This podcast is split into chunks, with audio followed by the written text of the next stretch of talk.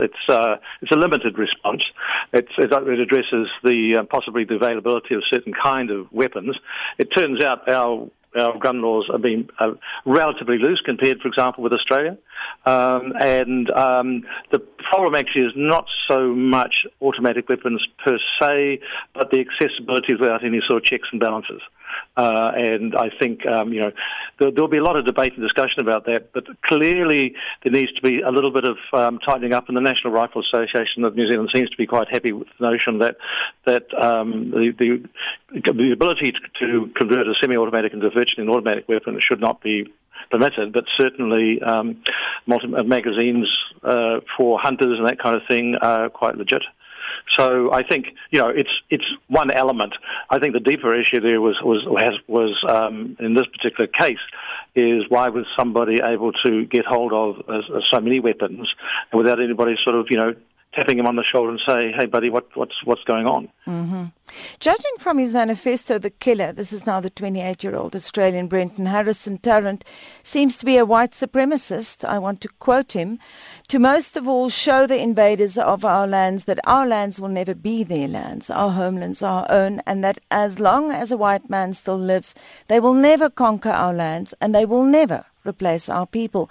Professor, how many people with the same sentiments are lurking under the surface? Good question. I would not expect there to be too many who quite take that view, because that comes that's directly lifted from the alt right and white supremacy of uh, um, of Europe and North America, and particularly Europe. Um, much of the tropes of his manifesto, from what I've seen, uh, echo very much Anders Breivik's uh, manifesto uh, of a decade ago, and quite clearly, I mean, this this is a, a relatively local character reflecting uh, the rise of, of right wing nationalism and nativism, and uh, in Australia. And of course, it doesn't actually, you know, it makes no sense. These countries were never, these lands were never white lands with others coming. The whites came in as, uh, you know, later after others. So there's a, there's an ill logic about that, of course. But the point is, from the, um, from the extremist point of view, it's really, I think, trying to assert the dominance of one particular perceived culture or racial grouping, but it's more than just simply to do with colour, skin colour. It's actually to do with a particular cultural set. And when you dig deeper into his manifesto, you'll see all the references are to the history of Western Christendom in Europe. And it's, um, you know, it's defining itself over against Islam. It's the incursions of Islam, the, the, the battles that were fought to hold Islam back, and so on and so forth.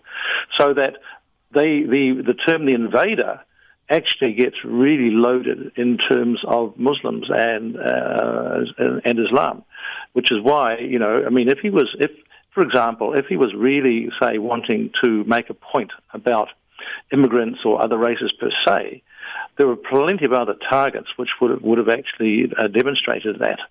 But in this case, uh, it's just purely Muslims. Like, for example, uh, why not uh, Filipino Catholics, which there are many? But of course, he wouldn't because his target is actually Muslims and particularly Muslims of color. He was a bit discombobulated when he when he struck a, uh, a white Muslim, mm. he a Caucasian. He couldn't quite figure that one because that doesn't fit the invader profile. Um, but anybody of color did who's Muslim, so it's Muslim and immigrant together or perceived immigrant, because many of them are actually born in New Zealand anyhow. But you know, it's that's that's the way it goes. So I think um, the, the, the, the, white supremacy that he represents is actually quite a complex ideology and phenomenon which has different points of emphasis depending on circumstance, but the background ideology definitely reflects the um, a, referencing of um, the history of Western Christendom and Islam. Professor, just stay on the line as jy pas by ons aangesluit het. Ek praat ver oggend met professor Douglas Pratt van die Universiteit van Auckland. Hy spesialiseer in Islamofobie en ekstremisme in al sy vorms insluitend terreur. Professor, just come back. I just want to come back to the point that you made about um, that the mosques were, um, you know, that he specifically targeted mosques and not, like you said, Catholic churches or whatever. Do you think we should prepare ourselves for counterattacks from ISIS? I don't think so. The um, that's an interesting question. I mean, uh, the curious thing about uh, one of the reasons why I think a lot of people are quite shocked about it is that um, not many people know about New Zealand, to be quite honest. Mm. We're in the news now, but there's an awful lot of people haven't a clue where New Zealand is. Uh, and um, uh, and it's just a long way from anywhere to actually get here. As, as, you know, it's quite a huge, huge effort. So that had always given a kind of a sense that that we are isolated from from the worst of the extremists and so on and so forth. Certainly, I mean, the, the um, New Zealand Security Services had been keeping a watch for, for about, you know, maybe there's two or three dozen names or so of, of uh, Muslims that they'd identified, I guess, through looking at their postings online, who seem to have inclinations towards supporting um, ISIS or Islamic extremism. And there's just a a handful, I believe, that actually made it through to Syria. And we have the famous or rather infamous case of uh, the guy known as the bumbling jihadi, who was actually a white convert to, Christ- to Islam and went over there, but um, sort of gave the game, gave the game away as, as not exactly the brightest spark in the bunch. And, and he wants to come home to New Zealand, and then people are saying, no, no, he shouldn't. All that kind of thing. So on the one hand, you've got that, which hasn't been a particular issue. The, I'm aware that certainly there, there could be a propensity from within some quarters of the Muslim community to want to sort of take uh, revenge, but I don't think it would be great. I say that because I remember years ago um, in 1998 when a mosque uh, that I, I, knew the people of, a newly built mosque, was firebombed. And um, in those days, there were the, that particular town had taken in some West Somalian Muslim refugees. They'd come out of a warring situation. And so they were really, really uh, spooked by this. And some of the young ones were really looking for who they could go and firebomb back. Uh, and took the, quite a bit of effort on part of the Muslim leaders to sort of calm that down and say, no, no, that's not going to you know, win you anything. You know, and, and in the in the end, the community rallied around, much as they're doing now, and uh, the mosque was uh, was refurbished courtesy of the um, the insurance payout, but properly finished with a security fence and security systems and all that kind of stuff, courtesy of the donations that came pouring in. And given the incredible response of New Zealand in, in 48 hours, a country of 4.8 million has raised over $6 million voluntarily to to you know offer to the Muslim community to say, you know, use this to help yourselves, you know, get over this and and, and move ahead. So uh, it's an incredible outpouring of support and I guess horror that this should have happened here and wanting to, to, to ensure, you know, in whatever way possible that it won't. So coming back to the gun thing, one of the issues will be sort of, is there any way that, that guns can be better controlled to have, perhaps dampen that down? Um, but I think uh, that to me is the, um, the, the sledgehammer approach. I think there's going to be a finer tune approach because no matter what the type of gun is, there's other ways that people can, can wreak havoc. And I think the key will be really that that uh, as with Australia, security services here are much more in tune with uh, various forms of extremism, and we've been a bit blinkered, I think, lately, and only just looking at one form, namely Islamic form, primarily overseas.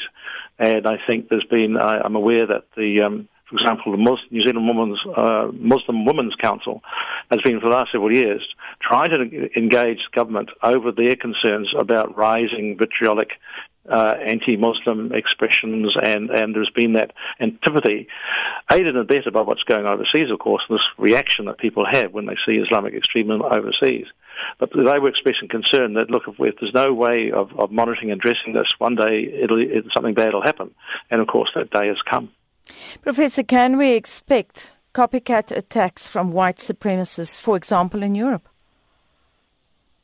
Oh, quite possibly. And I think that's one reason why uh, the country is continuing to maintain a very high security alert and a very high police presence uh, around mosques at the moment. Uh, and I don't know how long that will continue for, but I guess there is a concern that uh, that if if if he was not part of a cell, which is becoming increasingly, I think, the case Initially, there was concern that there, this was actually the tip of an iceberg. There might have been an active cell, uh, a radicalized or extremist cell. It appears more that now that he was acting pretty much alone, but there's, but until that's kind of clarified that he was completely on his own, on the one hand, that to rule that one out, that's that's one area of concern. And the other, of course, is, as you say, the, the propensity always for copycat. And given that within hours of the event, there was some individual who drove around Christchurch with a banner, I think, that said something like, build that wall and an 18 year old was arrested for posting online hate speech, then you can see how there is certainly a groundswell. I don't know how big it is, but I suspect it's bigger than what people would like to think of uh, people in New Zealand who have a deeply ingrained antipathy towards Islam and Muslims in particular. Less so, I think, the white supremacy angle. I think that's very, very limited. But the Islamophobic dimension is much, much bigger. Thank you very much for your views and the very best of luck to you and your country people. Dit dan professor Douglas Pratt van die Universiteit van Auckland wat spesialiseer in Islamofobie en ekstremisme. Dis nou